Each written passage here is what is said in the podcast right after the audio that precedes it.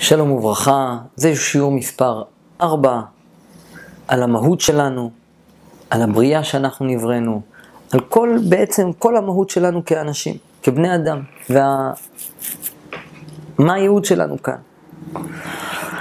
למדנו בשיעור הקודם, בשיעורים הקודמים, על קיומו של הבורא, שהוא מוכרח, לפחות המדע אין לו תשובה לנושא הזה. לאחר מכן למדנו על בואו נראה, כבר הספקתי אה, לשכוח.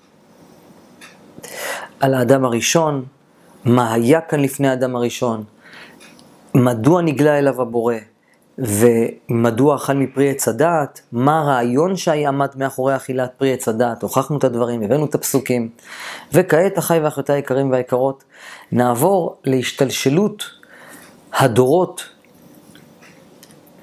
עד כמה שאפשר בשיעור הזה נלמד.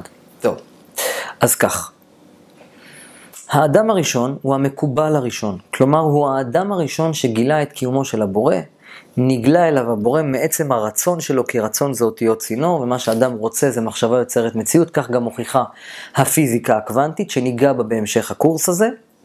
והאדם הראשון גילה את מציאותו של הבורא ובחר להיות כמוהו, ועל ידי כך שהאדם הראשון בחר להיות כמו הבורא, והאדם יקיים את רצון הבורא ויבחר בטוב, על ידי כך האדם אה, הופך להיות כמו הבורא, ואז הטוב של הבורא הוא טוב גמור, והוא נקרא חסד של אמת. את המושג חסד של אמת אתם לא תבינו כרגע, אני אסביר בקצרה, ותכף תבינו בהמשך.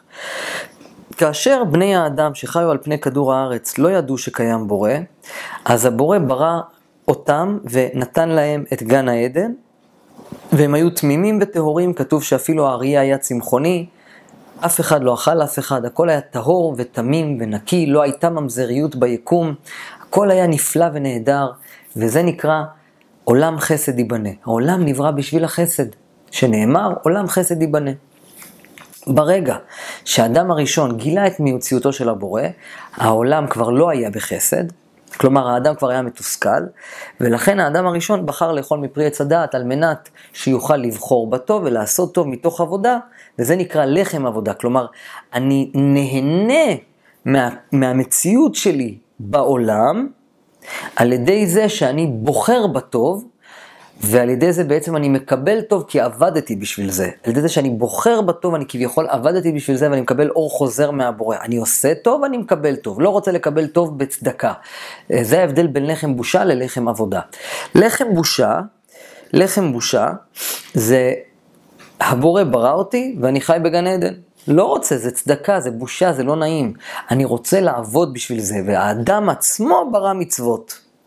על ידי הרצון שלו, על ידי הרצון שלו, זאת להיות צינור, על ידי הרצון שלו שהוא רצה להיטיב לבורא בחזרה, הוא ברא מצווה שהוא יצטרך לקיים אותה, ואז הוא חטא בפרי עץ הדעת כדי לברוא עוד מצוות ושאר העניינים. עכשיו שימו לב, האדם הראשון, כפי שאמרתי לכם, הוא למעשה הבין את מציאותו, את המציאות העל-טבעית הרוחנית. האדם הראשון, הוא המקובל הראשון, הוא קיבל בחוכ... בתקשור את כל חוכמת הקבלה, תכף נוכיח את זה, נעמיק בזה, תאמינו לי, זה קורס מדהים שיסביר לכם את הכל מאלף ועד תף. האדם הראשון הוא המקובל הראשון, הוא לימד את קין והבל, הוא העביר את חוכמת הקבלה עד לנוח. נוח, נולדו לו שלושה בנים, שם חם ויפת, שם הם היהודים, חם הם שחורי האור, ויפת אלו שאר בני נשה, שאר בני העולם, הנוצרים, המוסלמים וכולי וכולי. לפני נוח, אני קצת דילגתי, סליחה, נכדו של אדם הראשון קראו לו חנוך. וחנוך כתב ספר שנקרא מפתחות חנוך. זה ספר מאוד מאוד מפורסם במגזר החילוני ובמגזר המיסטי הרוחני, והספר הזה מסביר על מציאותו של האל ועל המציאות העל-טבעית, בעצם את חוכמת הקבלה. זה הספר הקבלה הראשון. והוא נכתב על ידי נכדו של אדם הראשון.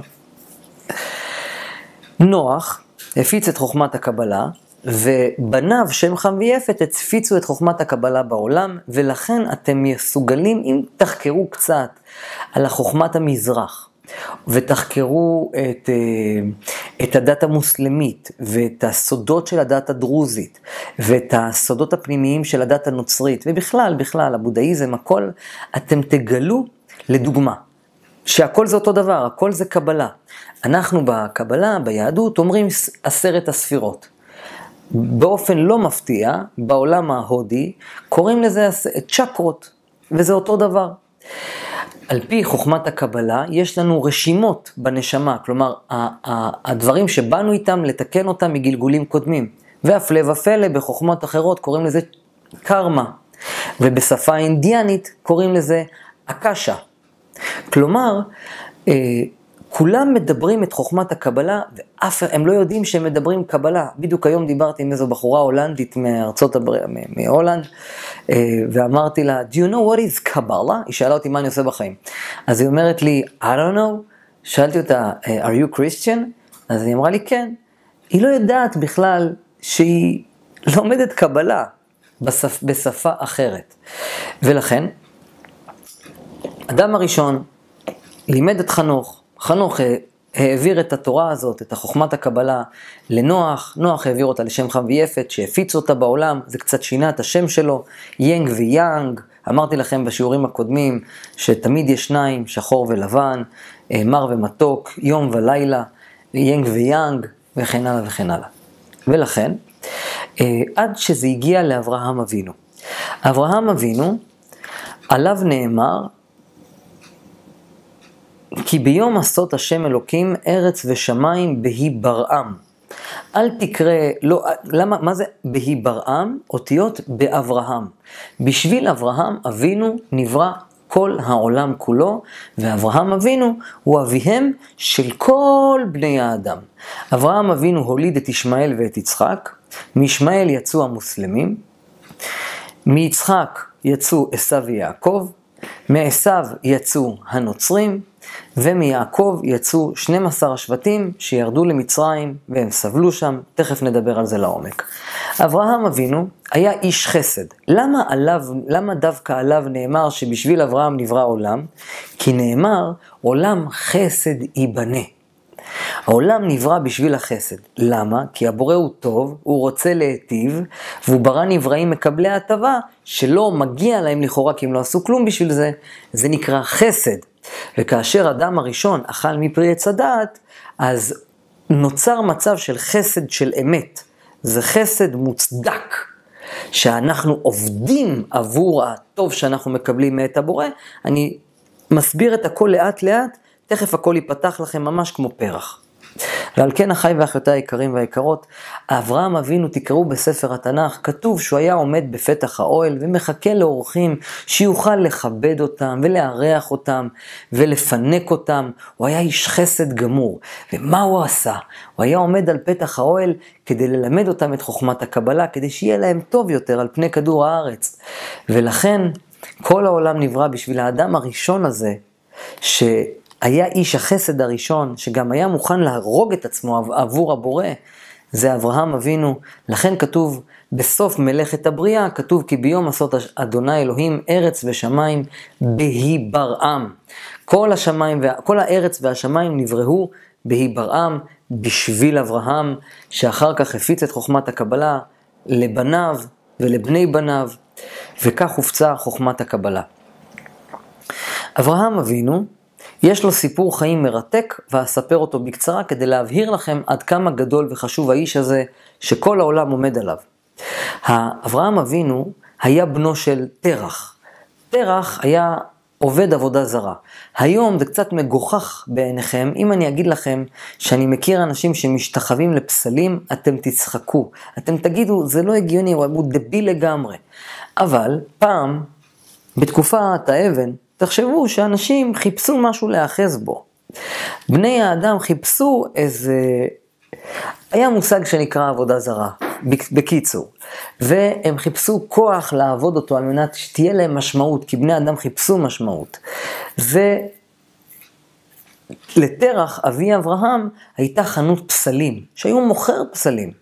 ואברהם אבינו בנו, אמר לאבא שלו, אבא, בחייאת רבאק, אתה עכשיו אומר לאנשים לבוא להשתחוות לפסלים האלה ואתה מוכר להם את הפסלים, אתה הרי מרמה אותם, אתה יודע שהפסלים לא יכולים לעשות כלום. אמר לו אבא שלו, סתום, סתום את הפה, סתום את הפה, תעשה טובה. יום אחד הגיעה איזו אישה, ככה מספר המדרש, יום אחד הגיעה איזו אישה, אני אספר את זה מהר. יום אחד הגיעה איזו אישה זקנה לחנות, אמרה לו, תן לי את הפסל הכי גדול, הכי יפה, הכי מכובד, הכי חזק. אמר לה, תגידי לי, את רצינית? והיא הייתה מביאה מנחה כל יום לפסל, אוכל כלומר לפסל, והייתה הולכת, כי לא הייתה יכולה לקנות את זה, אז היא הייתה מביאה לחנות. והוא אמר לה, תגידי, את, את באמת חושבת שהפסל אוכל את האוכל שאת מביאה? את לא מבינה שאני ואבא שלי אוכלים את זה? הוא היה איש אמת, אברהם אבינו. בקיצור, מפה לשם, היא לא הקשיבה, יום אחד אברהם אבינו לקח פטיש, לקח מקל, שבר את הפסל, שבר את הפסל הקטן. ותרח, אבי אברהם, הגיע הביתה, ראה את החנות פסלים שלו, ראה שם פסל אחד שבור, אמר לו, תגיד לי, מה, מה אתה עושה? מה, מה, מה, מה קרה כאן? הוא אומר לו, אבא, אל תשאל, הייתה כאן אישה, הביאה אה, מנחה, כלומר אוכל, לפסל, אה, לפסל הגדול, בא הפסל הקטן, רצה לאכול מזה, אה, והפסל הגדול בא ושבר אותו. אז אבא שלו אומר לו, תגיד לי, מה אתה מטומטם? זה יכול להזיז? מה זה? זה לא זז. אומר לו, אבא, ישמעו אוזניך מה שפיך מדבר. אתה בעצמך לא מאמין שהפסלים האלה זזים, אז מה אתה מוכר אותם? מה, אתה משקר לאנשים? אבא שלו אמר לו, תשמע, תשמע, נמאס לי ממך ומהשטויות שלך, עזוב אותי מהשטויות שלך, אני מלשין עליך למלך, אז היה מלך, קראו לו נמרוד, הוא הלשין עליו, נמרוד היה עובד את השמש, והובא אברהם אבינו למעצר כדי להיהרג, כדי להילחם, אה, כדי אה, אה, להתעמת עם המלך נמרוד. גם שמו של אברהם אבינו יצא והופץ בעולם שהוא מורד בקיומו של אל שמש, או מה שלא אנשים, מה שאנשים האמינו אז בזמנו. מפה לשם היה דיאלוג, המדרש מספר סיפור ארוך, שהיה דיאלוג בין נמרוד לבין אברהם, אומר לו תקשיב, זה, אני משתחווה לשמש, אומר לו מה אתה משתחווה לשמש? השמש שוקעת ועולה הירח, אומר לו וואלה אתה צודק, אמר לו נמרוד, אז תשתחווה לירח, אומר לו רגע אבל עולה השמש, אומר לו אז תשתחווה לשמש, אומר לו אי אפשר, זה או זה או זה, אמר לו נמרוד, תשמע, מה אתה רוצה ממני? אתה רוצה להשתחוות לאנשהו? אז בסוף אמר לו, טוב, תשמע, הרוח תמיד נמצאת, אולי נעבוד לרוח. אמר לו אברהם אבינו, אברהם אבינו אמר לו, אז נמרוד אמר לו, אוקיי, אז נשתחווה לרוח. אמר לו, אמר לו אברהם אבינו, איך, איך נשתחווה לרוח? אם יש את החומה שחוסמת מהרוח להתקדם, אז בוא נעבוד את החומה. אמר לו נמרוד, אין בעיה, בוא נעבוד את החומה. אמר לו אברהם אבינו, רגע, אבל, אם, אבל המים משברים את החומה. טיפה ועוד טיפה ועוד טיפה, אז יכולים לעשות חור בסלע. אמר לו, אז בוא נעבוד את המים. אומר לו, לא יכול להיות, אם אנחנו נעבוד את המים, יש את השמש. השמש מעדה את המים.